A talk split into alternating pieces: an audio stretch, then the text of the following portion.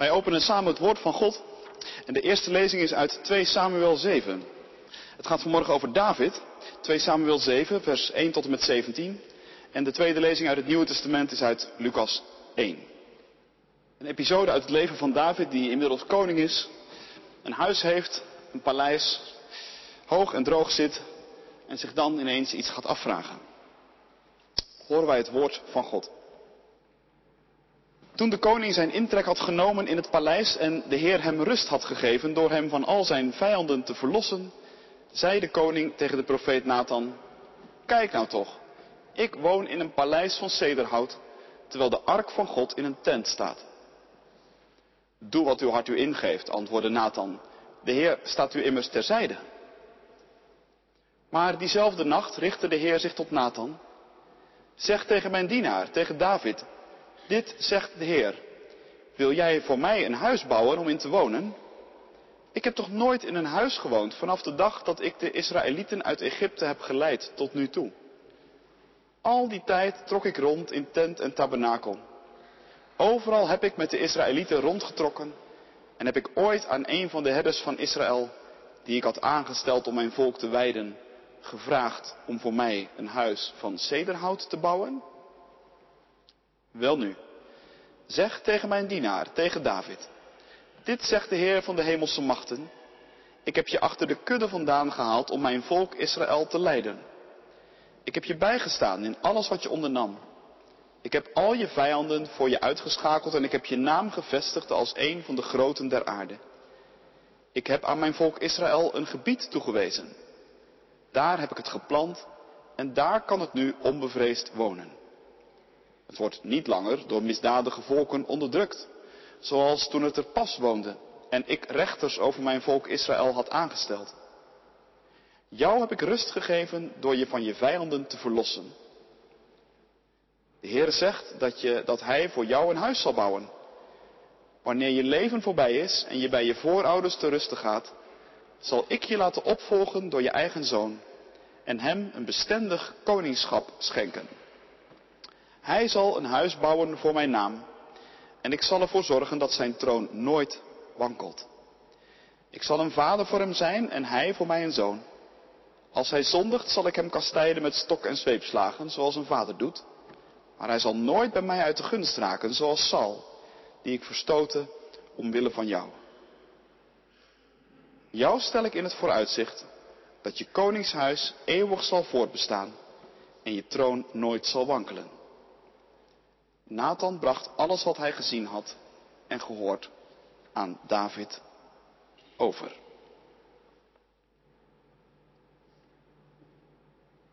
Tot zover de eerste lezing.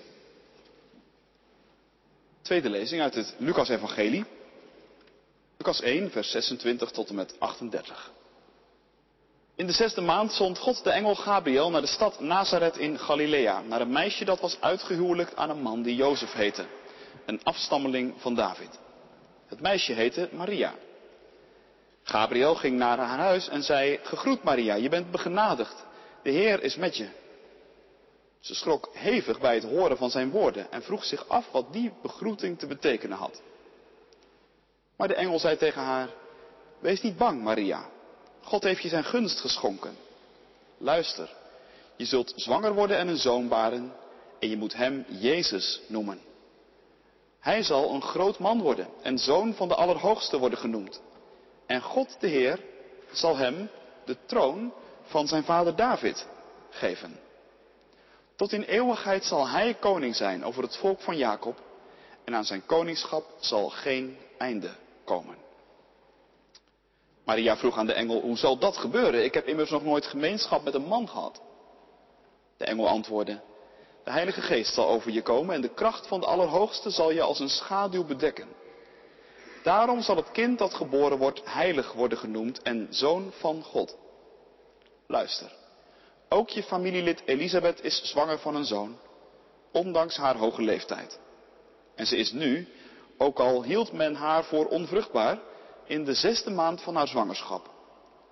Want voor God is niets onmogelijk. Maria zei, de Heer wil ik dienen. Laat met mij gebeuren wat u hebt gezegd. En daarna liet de engel haar weer alleen. Tot zover de lezing. Dit is gemeente vanmorgen het woord van God. Voor jou, voor u, voor mij. Gelukkig zijn wij als we het woord van God horen, dat bewaren in ons hart. En daar ons vertrouwen op stellen. Halleluja. Amen. Gemeente van Christus. Op de nieuwe aarde zal ik God vragen een akker voor hem te mogen spitten. Helemaal alleen. Ik zal spitten en niet moe worden. Hij herhaalde spitten en niet moe worden.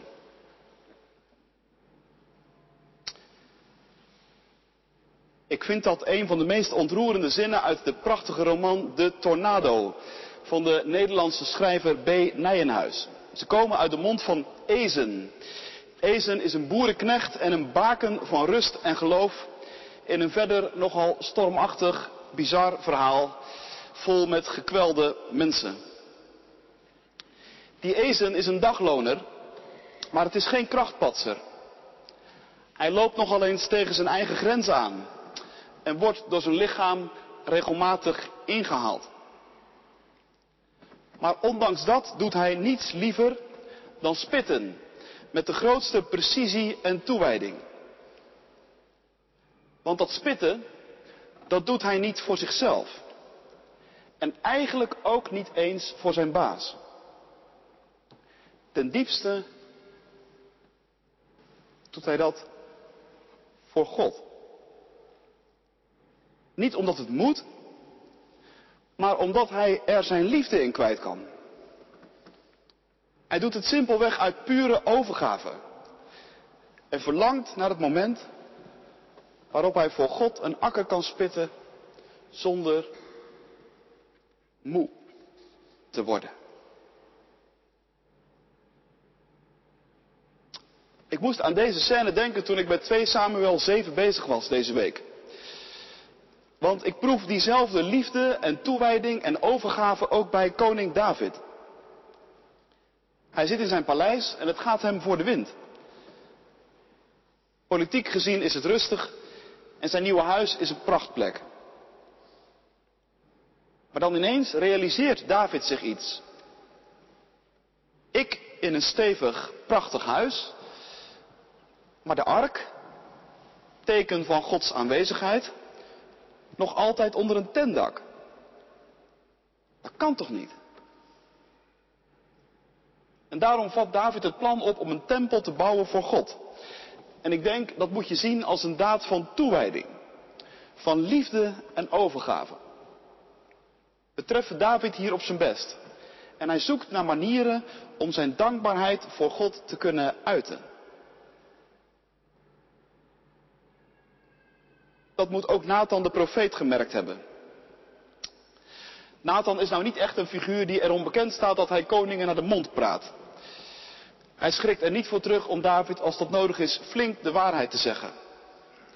Dus als Nathan voor is, dan zegt dat wel iets. Hij proeft blijkbaar Davids oprechte verlangens en gevoelens. Niet uit schuldgevoel handelt deze koning. Hij heeft geen dubbele agenda. Nee, het is echt oprechte liefde die hem drijft. Het is toewijding. En daarom zegt Nathan, ga je gang. Doe wat in je hart is, want God is met je. Maar die nacht krijgen de plannen ineens een onverwachte wending. Het woord van God klinkt en het woord van God zegt ook wel eens nee. Ook tegen goede bedoelingen. En Nathan, hij moet de volgende dag terug naar de koning. En hij moet gaan vertellen dat de plannen niet doorgaan. David, jij zult voor God geen tempel bouwen. Nou, waarom niet? Nou, niet omdat Davids motieven niet zouden deugen. Dat is wel even goed om te onderstrepen, denk ik. Er bestaat werkelijk oprechte liefde en toewijding tot God. Ik weet niet hoe kritisch jij doorgaans bent op je eigen motieven of die van een ander. Dat hangt vaak samen. En soms is dat ook best zinnig om kritisch te zijn op je eigen motieven. Maar het kan ook destructief worden. Je kunt ook iemand worden die altijd alles maar stuk praat en stuk denkt. Nu, dat doet de Heere God hier dus beslist niet. De Heere God is zo vaak milder voor ons dan wij voor Hem en voor elkaar. Ook hier. Dat David die tempel niet mag bouwen heeft niks met David, nou niks, niet zozeer met David, maar in ieder geval veel meer met God zelf te maken. Want wat is het punt? De Heere God laat zichzelf zien in dit hoofdstuk als een bewegelijke God. Een God die rondtrekt met zijn volk en die meegaat met mensen. Als mensen verdwalen, dan gaat Hij hen achterna. Als jij valt, dan valt Hij met je mee. En zo trekt de Heere God een spoor door de hele geschiedenis. En Nathan moet dat illustreren door namens God David te herinneren aan het moment dat hij zelf geroepen werd als koning. Want precies dat bewegende, dat bewegelijke van de Heere God, dat heeft David zelf aan de lijve ondervonden. Je weet toch nog wel, David, zegt God, hoe ik jou heb opgezocht. Hoe ik je geroepen heb, achter die schapen vandaan. Hoe ik met je meegegaan ben naar de troon. Hoe ik je geholpen heb bij alles wat er op je pad kwam. Waar jij ging, daar was ik. En ik heb nooit gevraagd of je voor mij een tempel wilde bouwen.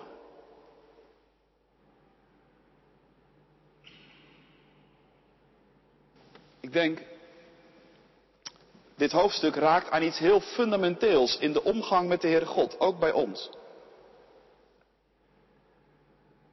David wilde door het bouwen van die tempel als het ware God vroegtijdig fixeren. Hem vastleggen en vastpinnen. Nu is dat niet iets vreemds. Het is denk ik het allerbelangrijkste kenmerk van religie. Religie wil God altijd vastleggen. Hem beheersbaar maken. Hem opsluiten. In een tempel. Of in een kerkgebouw. Of in woorden. Of in tradities. Of in formuleringen. Maar als de Heere God merkt dat al die dingen dienen om Hem, zelfs al is het niet zo bedoeld, vast te leggen, dan grijpt Hij dus in. Als gebouwen Hem willen vastleggen, ook al is het de Jacobikerk, als een traditie Hem wil vastleggen, ook al is het de gereformeerde, als woorden gebruiken, formuleringen hem willen vastleggen, ook al zijn ze nog zo kostbaar voor ons, dan grijpt God in. Dat doet hij omwille van zichzelf. Dat doet hij omwille van zijn vrijheid. Dat doet hij uiteindelijk omwille van jou en mij. Want een God die vastgelegd is, die kan ons niet redden. En het geloof ziet dat. Religie legt God vast.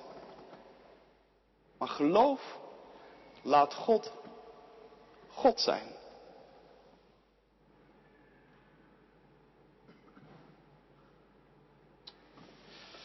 Wat verder ontzettend opvalt in dit hoofdstuk is dat het niet zomaar bij een afwijzing blijft.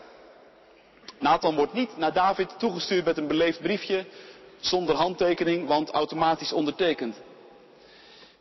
Nee, in de rest van het hoofdstuk mag hij namens de Heere God alle bakens verzetten. En mag hij aan het hele gesprek een nieuwe inhoud geven. Misschien viel het je op dat het in het hoofdstuk continu gaat over een huis.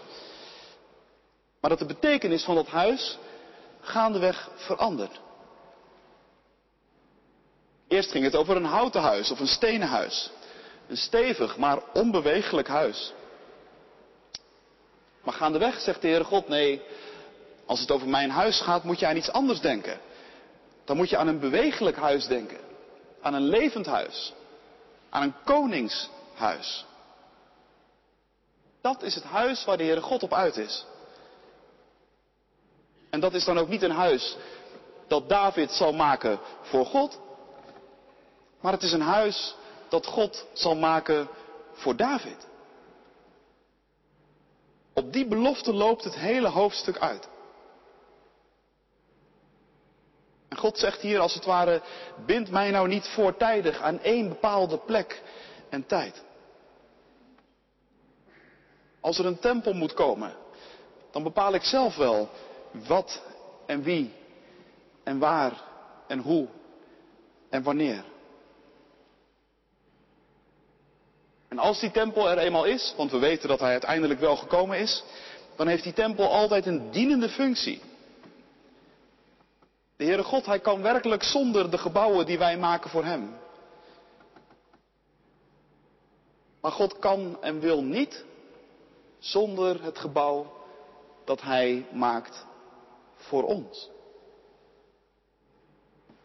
Niet zonder het huis dat hij bouwt en dat bewegelijk een spoor trekt door de tijd. Want in de Heere God is een niet te stuiten verlangen. Een enorme drive om God met ons te zijn. Natuurlijk, ons verlangen om iets voor Hem te doen kan echt oprecht en intens zijn. Spitten en niet moe worden, daar kun je ontzettend naar uitzien. Maar vergeet nooit, in God is een nog veel groter verlangen om iets te doen voor jou. Ik ben in jullie midden als een die dient, zegt Jezus later.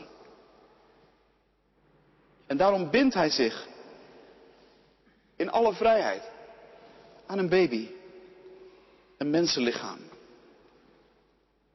Daarom schaamt hij er zich niet voor om aan ons mensen gelijk te worden. De Heere God wil mens onder de mensen zijn. En de lang verwachte koning uit het huis van David, die legt al zijn goddelijkheid af en wordt geboren in een stal. Dat zouden wij nooit hebben toegestaan. Maar God is vrij. Weet je? God is vrij om te wonen waar hij wil. Hij is vrij om te binden aan wie en aan wat hij wil. En precies dat is onze redding. Want de Heere God hij heeft beloofd om zich te binden, bijvoorbeeld aan zijn woorden. Zodat alles wat hier in de kerk gezegd wordt, hoe fragmentarisch en hoe gebrekkig ook, dat daarin toch iets van Hem meekomt.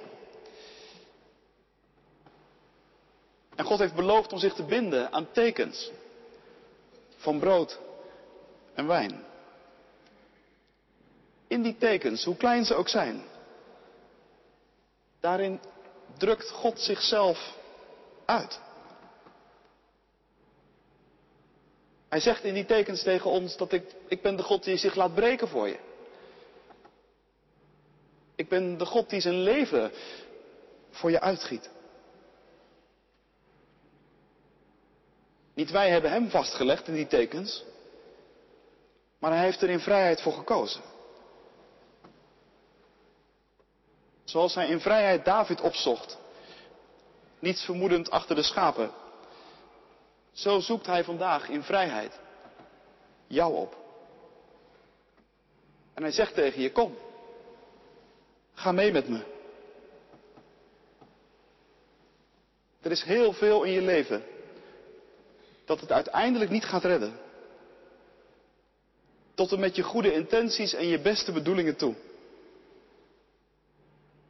Maar ik geef je bij deze mijn erewoord. Leg me niet vast. Maar vertrouw me. En laat me jou meenemen. Mijn toekomst tegemoet.